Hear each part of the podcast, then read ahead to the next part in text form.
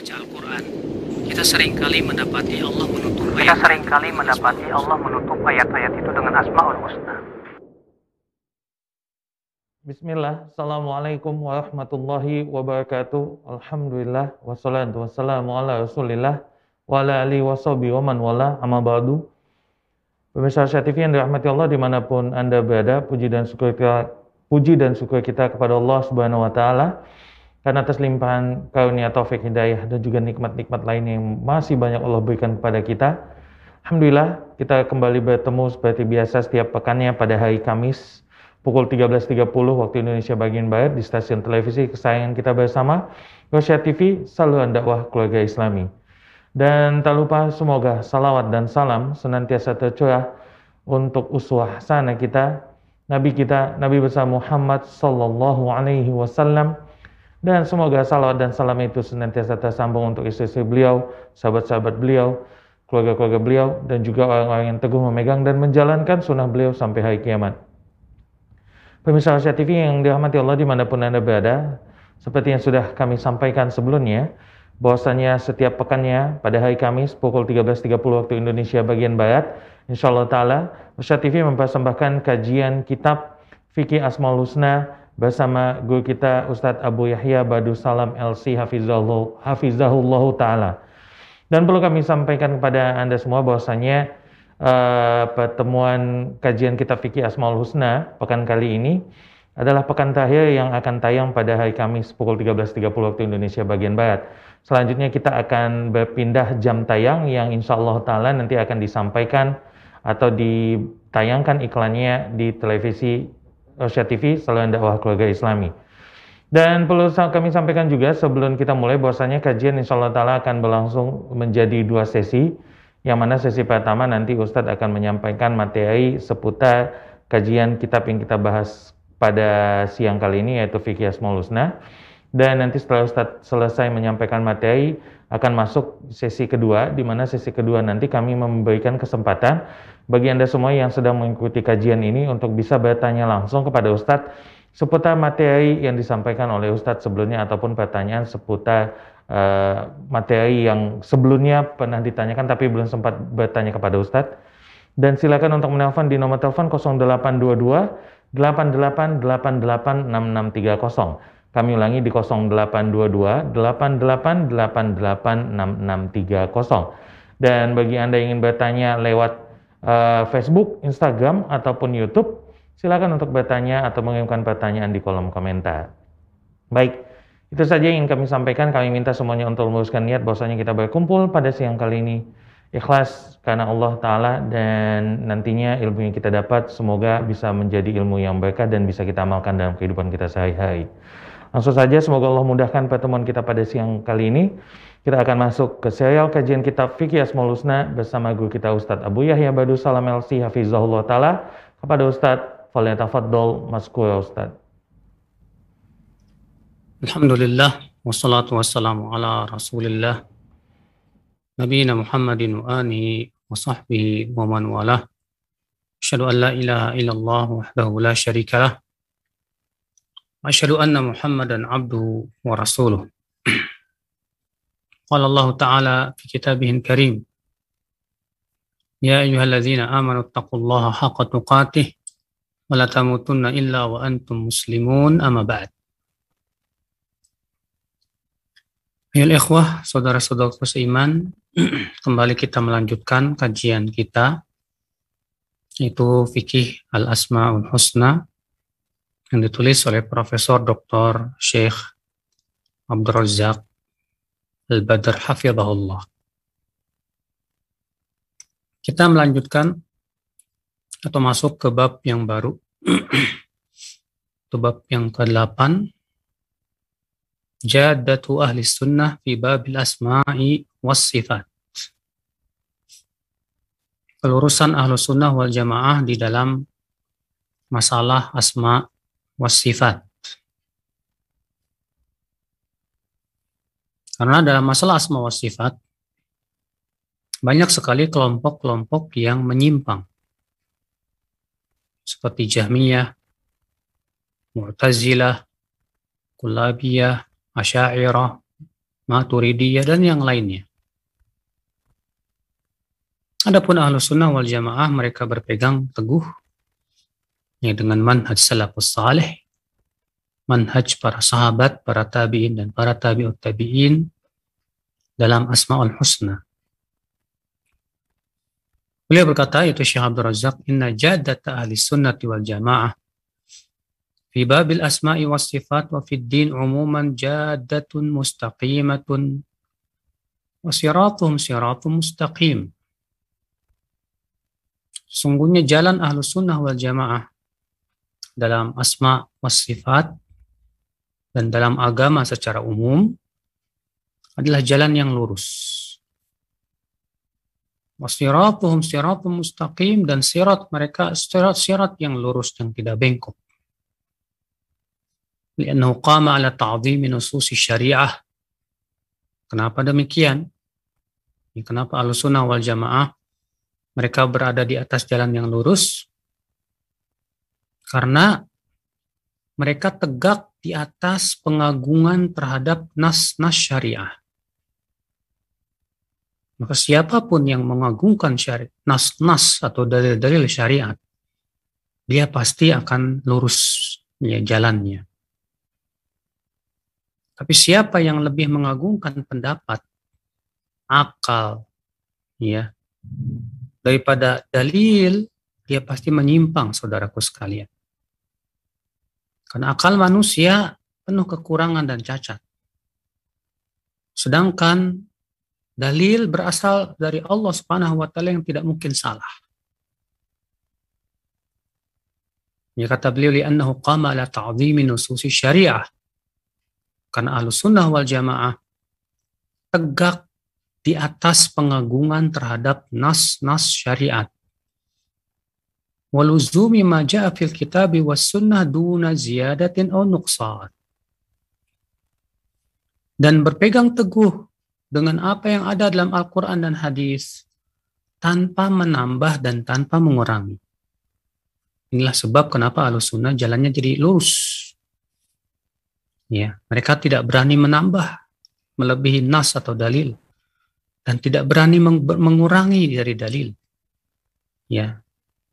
Mereka hanya ingin sesuai dengan dalil, itu saja. Maka bagaimana ya orang yang seperti ini tidak akan lurus saudara? Sementara kebenaran itu ya hanyalah yang berasal dari Allah Rabbul Izzati wal Jalal. Bukan yang berasal dari pendapat-pendapat manusia. Fayu'minuna bima warada fihi min asma'ir rabbi wa sifatihi. Maka ahlu sunnah wal jamaah beriman kepada semua yang terdapat dalam Al-Quran dan hadis dari nama dan sifat-sifat Allah subhanahu wa ta'ala.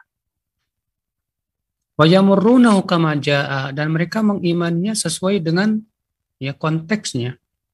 Tidak ya memalingkan memalingkan maknanya kepada makna yang lain tidak apalagi menolaknya ya.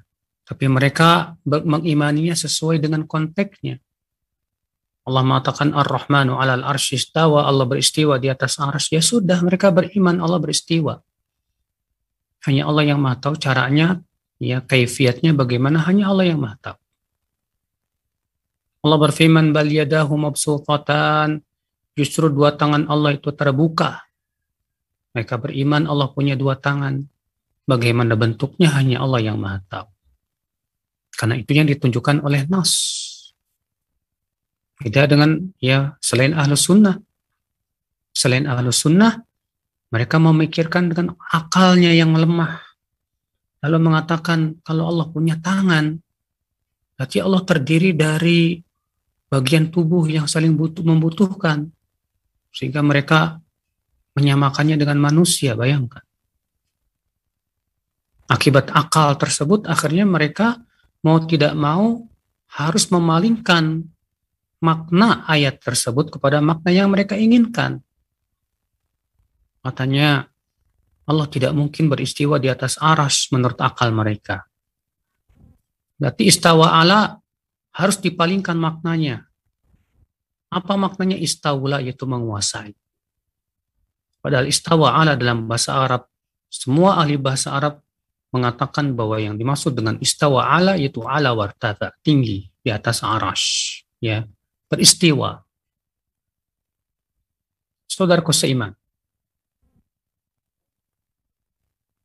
Demikian pula mereka selain ahlu sunnah ketika membaca ayat baliyadah sultan justru dua tangan Allah terbuka. Masa Allah punya tangan?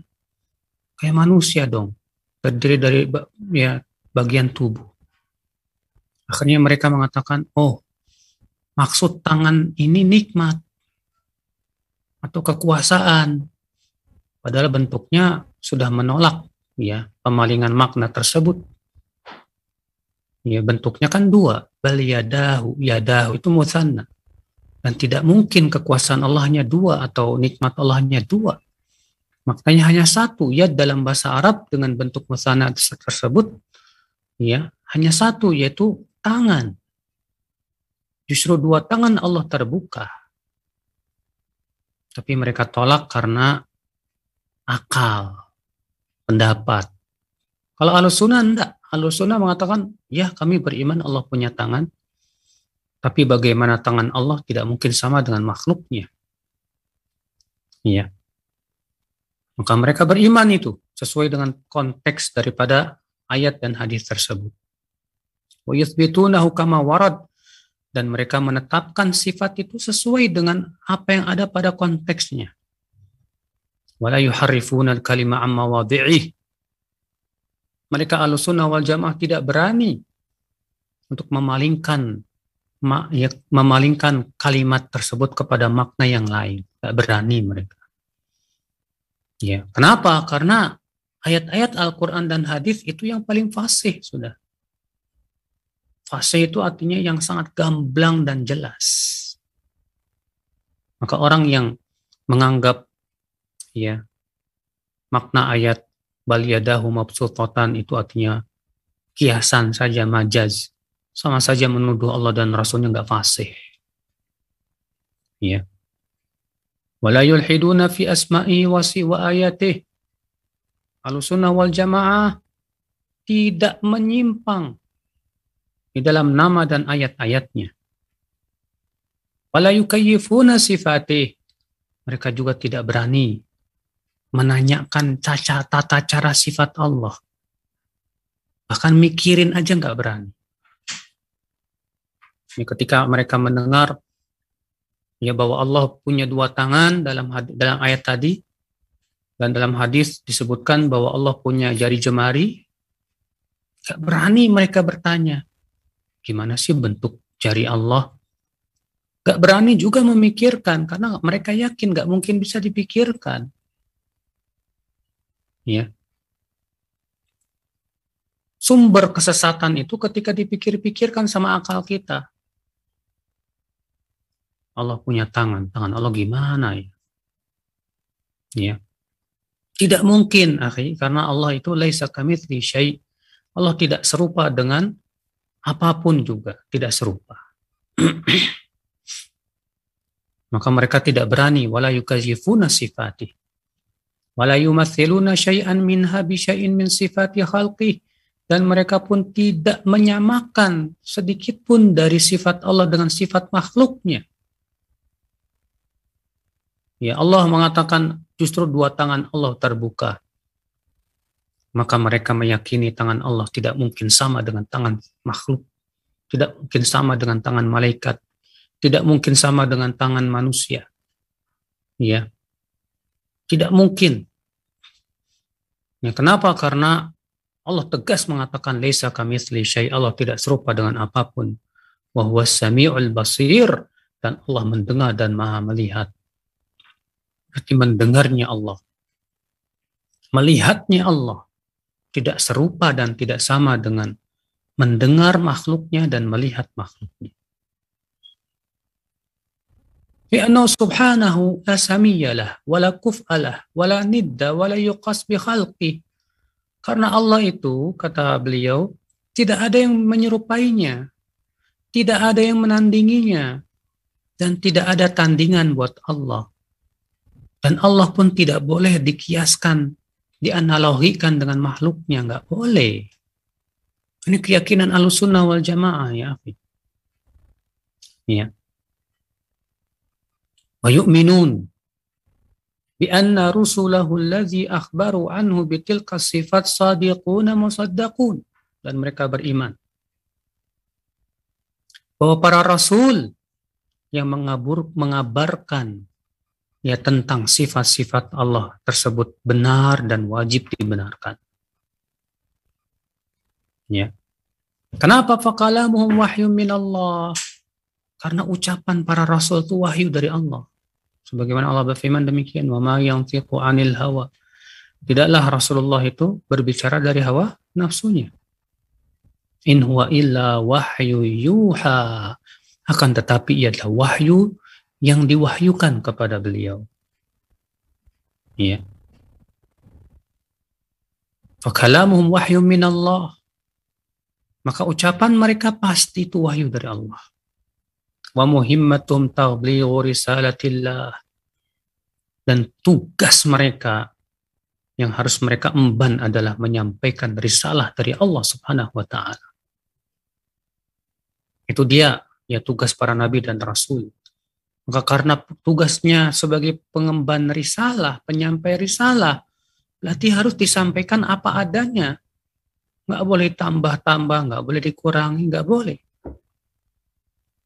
بخلاف الذين يقولون على الله ما لا يعلمون بما تمليه عليهم عقولهم القصيرة وأفهامهم الضعيفة beda kata beliau dengan orang-orang yang berani berbicara atas nama Allah dengan tanpa ilmu beda saudara mereka hanya berbicara sebatas dengan akal akal mereka yang kurang dan pemahaman mereka yang lemah rubama aidan bawatinhum sayyi'ah dan bahkan terkadang niat mereka sendiri sudah buruk.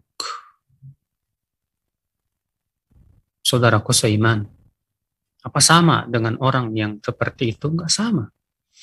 Samakah orang yang mengimani dalil-dalil sesuai dengan konteksnya dengan orang yang ya menafsir-nafsirkan dalil hanya sebatas sesuai dengan akal dan pemahamannya sama? Tidak sama. Mereka ya sunnah wal jamaah menafsirkan dalil sesuai dengan yang ditafsirkan oleh generasi yang terbaik. Yang telah Allah puji dalam Al-Quran dan dipuji oleh Rasulullah SAW. Walihada qala subhanah. Oleh karena itulah Allah berfirman dalam surat As-Saffat ayat 180 dan 100 sampai 182. Apa kata Allah?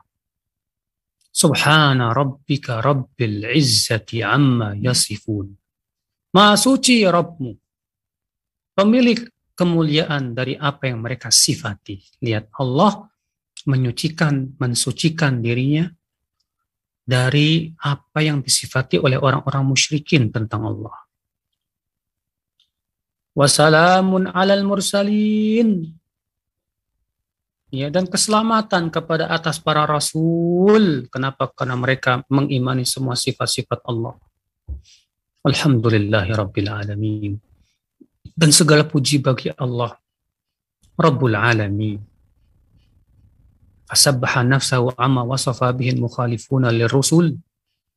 Di sini kata beliau Allah mensucikan dirinya dari apa yang disifati oleh orang-orang yang menyelisihi para rasul itu wasallama alal mursalin li salamati maqaluhu minan naqsi wal aib dan mengucapkan keselamatan kepada para rasul karena ucapan mereka selamat dari kekurangan dan aib. ثم حمل نفسه على تفرده بالأوصاف التي يستحق عليها كمال الحمد Kemudian Allah memuji dirinya karena Allah bersendirian dengan sifat-sifat yang berhak untuk mendapatkannya hanya Allah berupa sifat yang sempurna. Itulah ya akhwal Islam. Ya. Tariqah ahli sunnati wal jamaah. Jalan yang dilalui dan diyakini oleh ahli sunnati wal jamaah. وهكذا الشأن في أتباعهم المقتفين آثارهم. Demikian memang pengikut para nas, para rasul dan para nabi yang mengikuti jejak kaki mereka. Yusbitu nama asbatahu rasul rasulullah li rabbihim min sifatil kamal wa nu'util jalal. Mereka, para pengikut Rasul, menetapkan semua yang ditetapkan oleh para Rasul dari sifat-sifat Allah Subhanahu wa Ta'ala yang sempurna. Ya, mereka tetapkan itu kata klimihi li ibadih wa mahabbatihi lahum wa rahmatihi bihim. Seperti sifat Allah mengajak bicara sebagian hamba-hambanya. Ya, dan pada hari kiamat pun Allah akan mengajak bicara semua manusia. Demikian pula mereka mereka mengimani bahwa Allah mencintai ya sebagian hamba-hambanya yang beriman. Allah punya sifat rahmat, wa uluwihi alaihim demikian pula Allah tinggi di atas seluruh makhluknya. Wastiwaihi ala arsyihi dan Allah beristiwa di atas arasnya wa ghadabihi ala a'da wa ala a'daihi wa sakhatihi alaihim. Ya demikian pula Allah punya sifat murka marah kepada musuh-musuhnya. Ya ghairi dzalika mimma warada min nu'utir rabbil karimah wa sifatihil jalilah dan sifat-sifat Allah yang sangat mulia dan agung saudaraku sekalian. Fa'amanu bidzalika kulli maka ahlus sunnah wal jamaah mengimani semua itu. Iya. Tanpa memalingkan kepada makna yang lain. Tanpa menolak dengan akal-akal mereka. Iya. Rasulullah bersabda Allah turun ke langit dunia pada sepertiga malam terakhir. Ahlus sunnah yang beriman mengatakan sami'na wa apa. Kami beriman dan kami ya taat. Ya. Tapi orang yang mendewakan akal mengatakan apa coba? Kalau Allah turun ke langit dunia pada sepertiga malam terakhir, yang namanya sepertiga malam kan ada terus. Ya. Terus gimana? Subhanallah. Kita katakan ya akhi Jangan pikirkan dengan akal kamu yang rusak itu, yang lemah itu, kamu tidak akan bisa memikirkan zat Allah. Maka kamu juga tidak akan bisa memikirkan sifat Allah. Kewajiban kamu itu imani saja sudah. Bahwa Allah turun ke langit dunia. Caranya bagaimana hanya Allah yang maha tahu. Bukankah Allah pencipta langit dan bumi? Mudah bagi Allah subhanahu wa ta'ala itu semua. Lalu sunnah mudah mengimani sudah selesai. Tapi orang yang mendewakan akal dan lebih mendahulukan akal, mereka kemudian menolak dengan akalnya. Dengan alasan katanya, ini nggak masuk di akal. Padahal akalnya error. Ikhwatal Islam azani Allah wa amarruhu kama Maka mereka mengimani ayat-ayat dan hadis-hadis tentang sifat Allah sesuai dengan konteksnya. Min ghairi ta'arudin li kaifiyah. Ya dengan tanpa mempertanyakan bagaimana caranya. Aw i'tiqadi musyabahatin aw mithliyah. Dengan tanpa meyakini keserupaan dengan makhluknya. Atau ta'wilin yuaddi ila ta'fil sifati rabbil bariyah atau memalingkan makna yang disebut dengan ta'wil yang mengakibatkan akhirnya menolak sifat Allah Subhanahu wa taala. Itu semua dijauhkan oleh al-sunnah wal jamaah. Karena itu hakikatnya mendewakan akal. ya Bukan mengagungkan dalil. Bal wasi'athum sunnatul muhammadiyah wa tariqatul mardiyah. Bagi mereka cukup mengikuti sunnah. Ya, karena itu tata cara yang diridhai. Walam yatajawazuha ila dalalatin bid'iyah au ahwa'in radiyah. Dan mereka tidak berani saudaraku sekalian ya untuk menolak sunnah. Berakibat akan masuk kepada kebid'ahan atau hawa nafsu yang membinasakan. Fahazu bisababi dzalika rutabi as-saniyah wal manazil al-aliyah fid dunya wal akhirah dengan cara seperti itulah alus sunnah wal jamaah bisa mendapatkan tingkatan yang tinggi di dunia dan akhirat. kemuliaan saudaraku sekalian. Fasunanuhum abyan wa aqwam. Ya, tata cara mereka dalam berakidah, dalam beragama itu sudah jelas. Ya, dan jalan mereka yang paling lurus. Wahadihum arsyad. Dan hidayah mereka itu yang paling terbimbing. Bal huwal haqqul ladzi la haqqa siwah.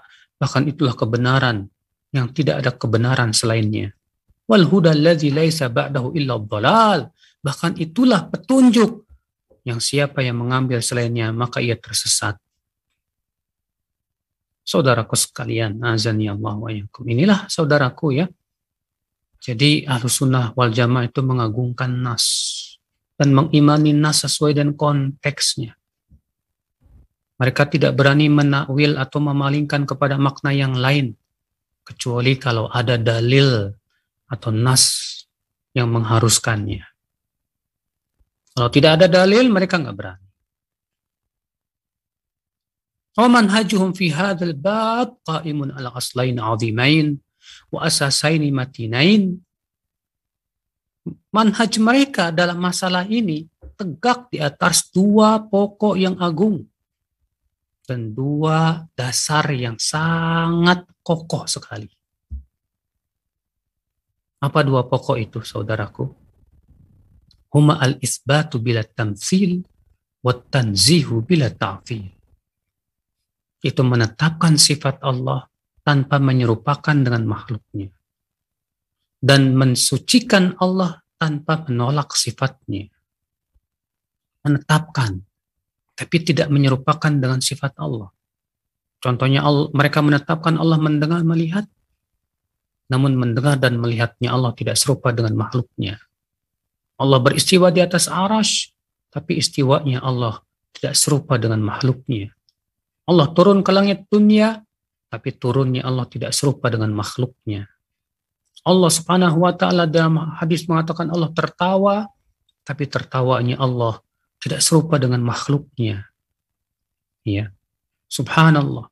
Dalam hadis disebutkan Allah sangat gembira melihat taubatnya seorang hamba mereka menetapkan Allah punya sifat gembira, tapi gembiranya Allah tidak serupa dengan makhluknya.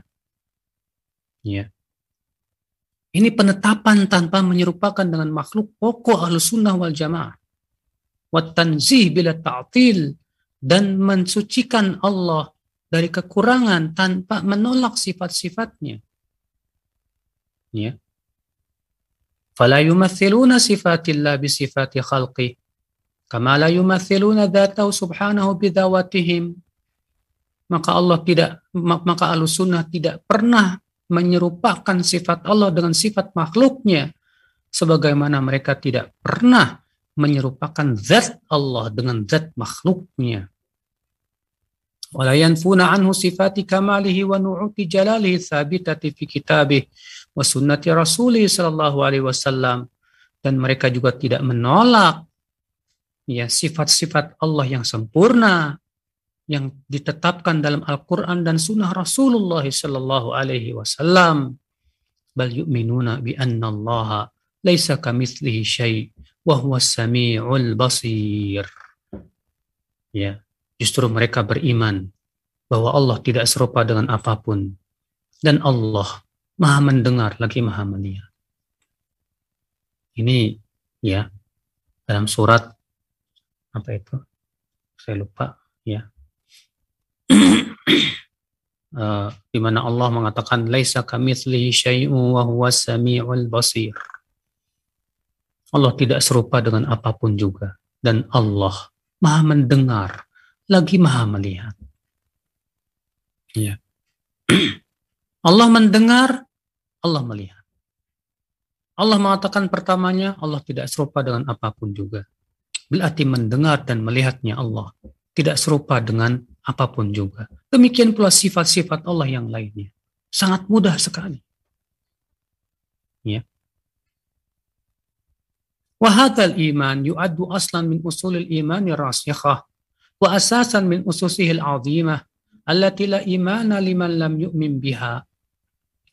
Dan keimanan inilah ya pokok tadi itu dianggap sebagai pokok-pokok keimanan yang kuat dan kokoh. Bahkan ia adalah pondasi yang agung yang tidak ada keimanan bagi orang yang tidak mau mengimaninya. Faman jahada syai'an min asma'illahi wa sifatihi wa nafaha wa angkaraha falaysa bimu'min. Siapa yang mengingkari sifat Allah dan namanya atau meniadakannya, ya, maka dia sebetulnya bukanlah orang yang beriman. Kayyafaha aw syabbaha bi sifatil makhluqin. Demikian pula orang yang mempertanyakan bagaimana caranya atau menyerupakan dengan sifat makhluknya. Subhanallah amma yasifuna amma yasifun wa ta'ala Allah amma yaqulu zalimun. Maha suci Allah dari apa yang mereka sifatkan. Maha tinggi Allah dari apa yang disifatkan atau diucapkan oleh orang-orang yang zolim itu. Ya. Berkata Nuaim bin Hamad rahimahullah, Man syabbaha Allah bi syai'in min khalqih faqad kafar. Siapa yang menyamakan Allah dengan makhluknya, sungguh ia telah kafir. Wa man ankara ma wasafa Allah bi nafsahu faqad kafar. Siapa yang mengingkari sifat yang Allah sifati dirinya dengannya, maka ia pun kafir. Walaysa fima wasafa Allah bi nafsahu aw wasafahu bi rasuluhu tashbih. Maka tidak ada penyerupaan dengan makhluk dalam sifat yang Allah sifati dirinya atau disifati oleh Rasulnya. Ya. Berkata Imam Ahmad bin Hambal, La yusafullah illa bima wasafa bihi nafsah, aw bihi rasuluhu sallallahu alaihi wasallam, la yatajawazul Qur'an wal hadis. Tidak boleh Allah disifati kecuali sesuai dengan apa yang Allah sifati dirinya atau disifati oleh Rasulnya. Tidak boleh melebihi Al-Quran dan hadis, kata beliau. Ya.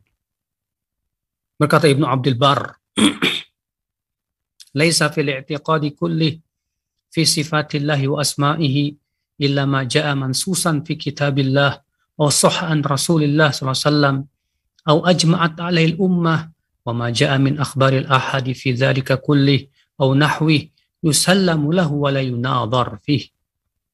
Tidak ada dalam keyakinan yaitu akidah seluruhnya tentang sifat Allah dan nama-namanya kecuali sesuatu yang harus sesuai dengan dalil dalam kitabullah atau yang sahih dari Rasulullah SAW atau yang menjadi kesepakatan ulama Islam dan demikian pula yang ada dalam hadis-hadis ahad selama itu adalah sahih ya maka itu wajib diterima dan tidak boleh memperdebatkannya kata beliau. Wajib kita terima. Kalau udah ada dalilnya buat buat apa diperdebatkan? Udah jelas kok dalilnya sahih. Ya wa min azimi ni'matillahi 'alal 'abdi an yuwaffiqahu li suluki hadha an-nahj al-qawim al-qa'im 'ala luzumi kitabillahi ta'ala wa sunnati rasulih sallallahu alaihi wasallam di antara nikmat Allah yang sangat agung akhi kepada seorang hamba apa itu itu diberikan oleh Allah taufik kepada manhaj yang agung ini. Ya, untuk selalu berpegang kepada kitabullah dan sunnah Rasulullah SAW. Ini nikmat agung banget. Ah. Ya selalu berpegang kepada Al-Quran dan hadis ini Masya Allah. Ya nikmat yang agung sekali. Lebih mengagungkan Al-Quran dan hadis dari pendapat siapa pun. Ba'idan an hirafati ahli batil jauh ya dari penyimpangan-penyimpangan penyimpangan dan penyelewengan ahlul batil itu. Matakhorosati ahli dolal atau perkiraan-perkiraan orang-orang yang sesat itu. Jauh ahlu sunnah dari itu ya akhi. Bal bihamdillahi ala jadatin wahidah walam yatanaza'u fi mas'alatin wahidah min masail asma'i was sifati wal af'al akan tetapi ahlu sunnah dengan ya alhamdulillah mereka selalu di atas satu jalan. Mereka tidak pernah berselisih dalam satu permasalahan tentang masalah sifat atau nama Allah atau perbuatan Allah. Bal kulluhum ala isbati ma nataqa bihil kitab wa sunnah kalimatan wahidatan min awalihim ila akhirihim. Bahkan semua ahlu sunnah wal jamaah menetapkan semua yang diucapkan oleh Al-Quran dan hadis ya semuanya satu kata Dari awal sampai akhir, dari generasi pertama sampai generasi terakhir, ahlu sunnah wal jamaah satu. Mereka semua menetapkan semua yang ditetapkan oleh Allah dan Rasulnya dalam Al-Quran dan hadis sesuai dengan konteksnya. Ya. Lam yasumuha ta'wilan. Tidak mencorengnya dengan takwil. Ya, itu memalingkan makna dari maknanya yang benar tanpa dalil. Walam yuharrifuha an mawadhi'iha tabdila. Tidak pula mereka mengubah-ubah ya, mengubah-ubah penafsirannya sesuai dengan akal dan rakyu mereka. Walam yubdu li syai'in minha ibtala. Mereka tidak pernah menolak ya akhi nama-nama dan sifat Allah yang ditunjukkan oleh kitabullah dan sunnah Rasulullah. Wala darabulaham amtala. Tidak pula mereka memberikan perumpamaan-perumpamaan yang salah. Bal talaqawha bil qabuli wa taslim. Tapi mereka menerimanya dengan penuh penyerahan diri. Ya. Waqabaluha bil imani wa ta'zim. Dan mereka menghadapinya dengan keimanan dan pengagungan Allah.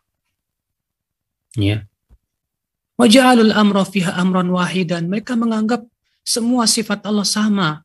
Harus harus seperti itu diperlakukan. Tidak boleh menerima sebagian sifat, menolak sifat yang lain hanya karena katanya nggak masuk di akal. Apa bedanya satu sifat dengan sifat yang satu, yang lainnya? Tidak ada bedanya. Ya, Bukankah itu sifat Allah Subhanahu wa taala yang wajib kita imani yang tidak mungkin sesuai dengan sifat makhluknya? wa ajruha ala sunanin wahidin. Mereka menganggapnya sama, tidak ada bedanya. Ya.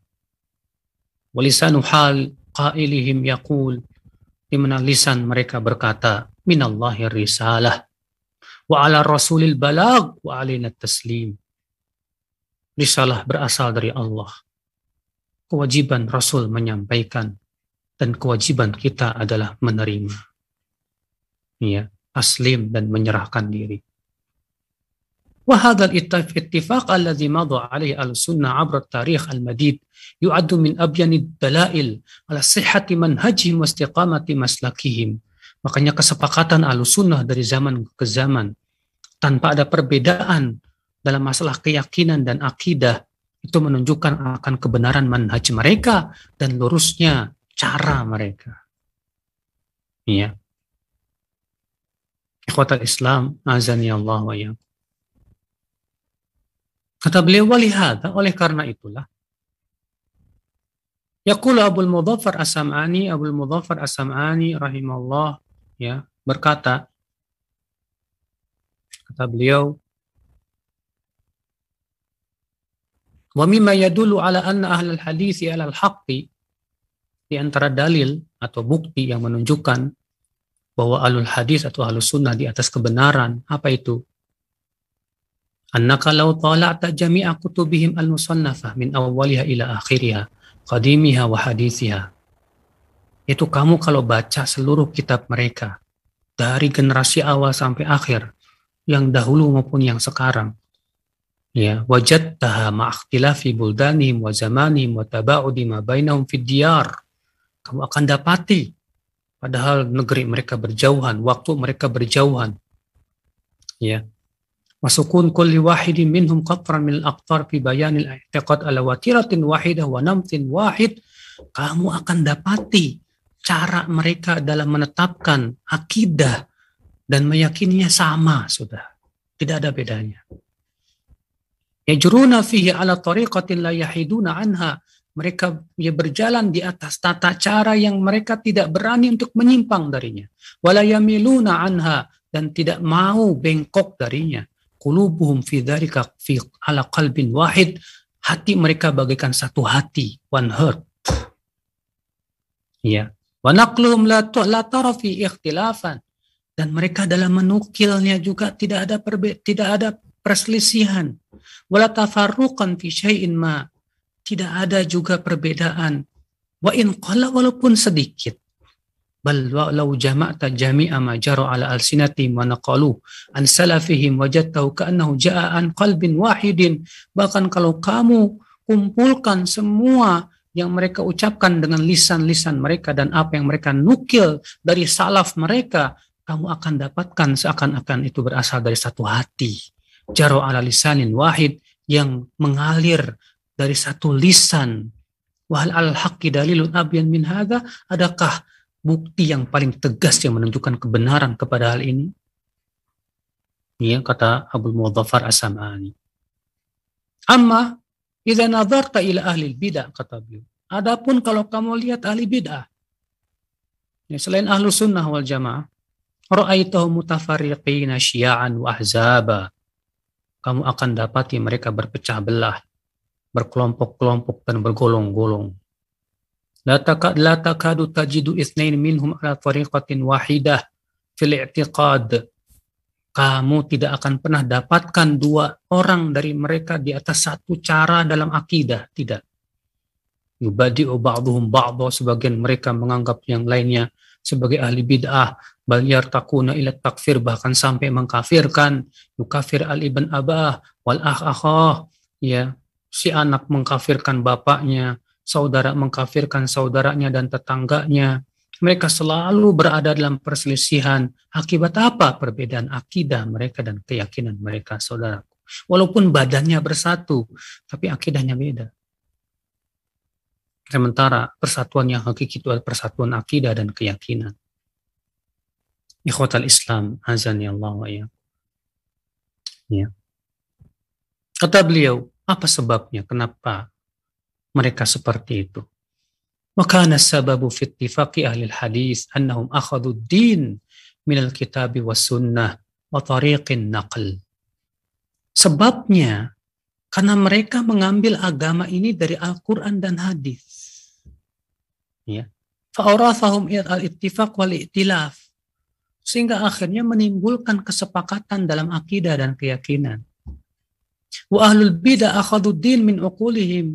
Sementara bid'ah mengambil agama dari akal. Lihat aja oleh kamu khawarij menyimpang beda dengan murjiah. Iya. Kemudian Khawarij berpecah-pecah lagi, Murji'ah juga berpecah-pecah lagi. Ya Syiah juga berpecah-pecah lagi. Akidah mereka beda-beda. Akidah Syiah dengan Khawarij beda, dengan Murji'ah beda, walaupun sebagian apa namanya parsialnya ada yang sama. Ya, demikian pula para penolak sifat pun juga beda-beda. Ada Jahmiyah, yang menolak seluruh nama dan sifat. Ada Mu'tazilah yang menolak sifat, menetapkan nama saja. Ada Asy'ariyah dan Maturidiyah atau Kulabiyah juga. Ya, yang mengimani sebagian sifat dan menolak sifat yang lain. Ya mereka kenapa beda-beda bisa begitu? Karena yaitu landasan mereka akal, saudara. Akal. Ya. Fa'inna naqla wa riwayah minasiqat wal mutqinin qallama takhtalif. Karena penukilan dan periwayatan dari para perawi yang siqat dan betul-betul mumpuni sedikit sekali perbedaannya. Wa in ikhtalafat fi lafdha aw kalimah fadzalikal ikhtilaf la yadhuruddin. Kalau ada sedikit perselisihan dalam lafaz, itu tidak membahayakan agama sama sekali. Walayak dafi tidak pula sampai menikam agama. Beda dengan apa? Akal. وأما المعقولات والخواطر والآراء فقلما فقلما تتفق beda dengan akal, pendapat. Ya, jarang sekali bersatu padu, akhi. Bal aqlu kulli wahidin wa ra'yuhu wa khatiruhu yuri sahibahu ghairu ma yuri al-akhar. Ya, karena setiap akal, setiap kepala pasti akan beda dengan akal setiap kepala yang lainnya. Ikhwatal Islam, azan ya Allah wa ya.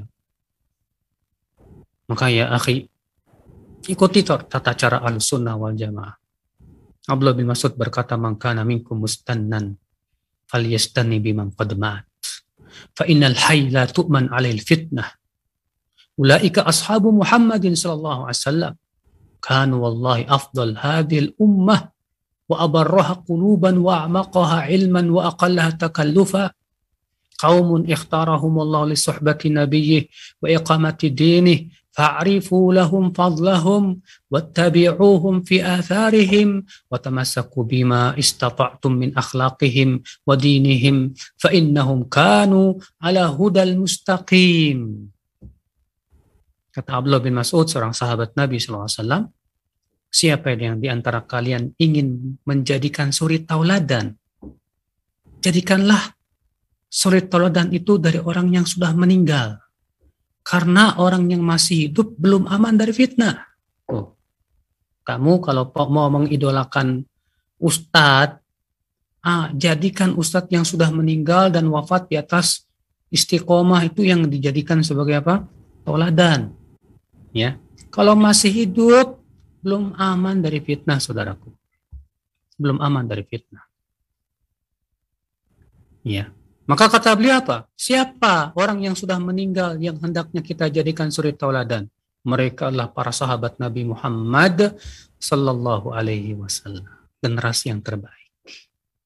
Kenapa? Karena mereka adalah umat yang paling utama, umat Islam yang paling utama, yang paling baik hatinya, yang paling dalam ilmunya, yang paling sedikit bebannya, mereka suatu kaum yang Allah pilih untuk menjadi sahabat-sahabat nabinya dan untuk menegakkan agamanya.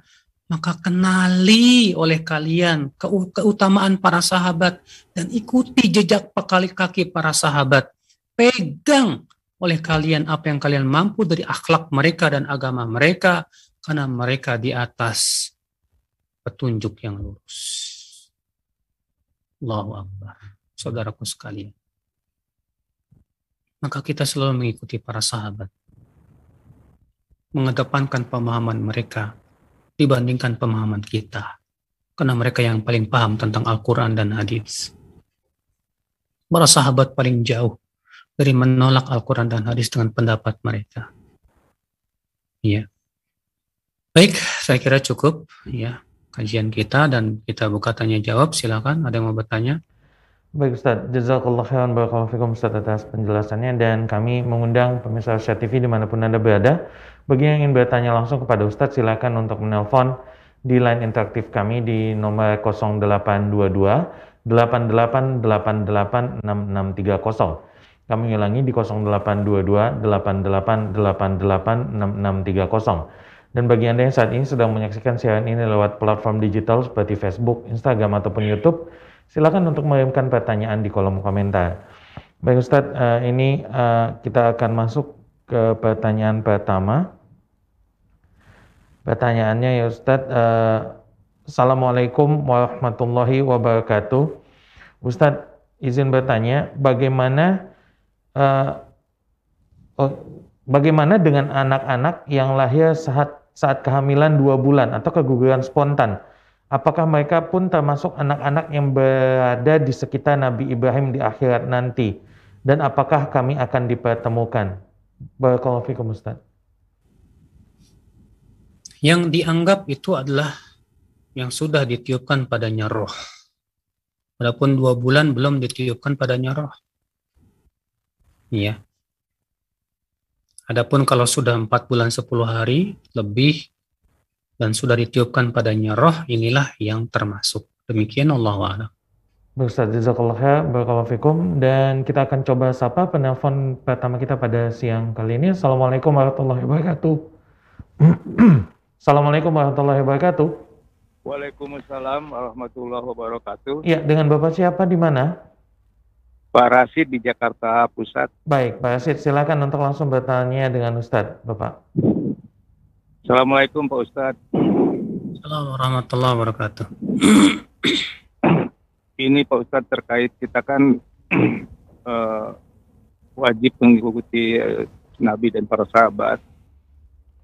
Nah, saya masih belum paham uh, apa mengikuti ini Pak Ustadz. Ada imam sholat fardu tadi subuh, tadi subuh.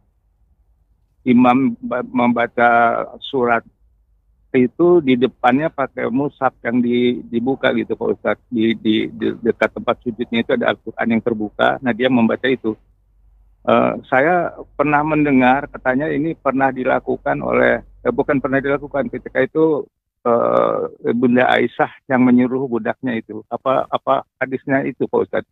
Sehingga kita bisa mengikuti. Ah, itu aja Pak Ustadz. Mohon pencerahannya. Assalamualaikum warahmatullahi wabarakatuh. Waalaikumsalam. Salam. Ketahuilah Bapak, memang benar ada riwayat Aisyah radhiyallahu anha yang diimami oleh budaknya, budak laki-lakinya, dan si budak ini membaca dari mushaf. Itu dalam musannaf Ibnu Abi Syaibah. Tapi ingat, ini dilakukan oleh Aisyah hanya di dalam sholat sunnah. Adapun kemudian menyamakannya dengan sholat wajib, lalu kemudian melakukan itu di sholat wajib, ini tidak dibenarkan sama sekali. Iya.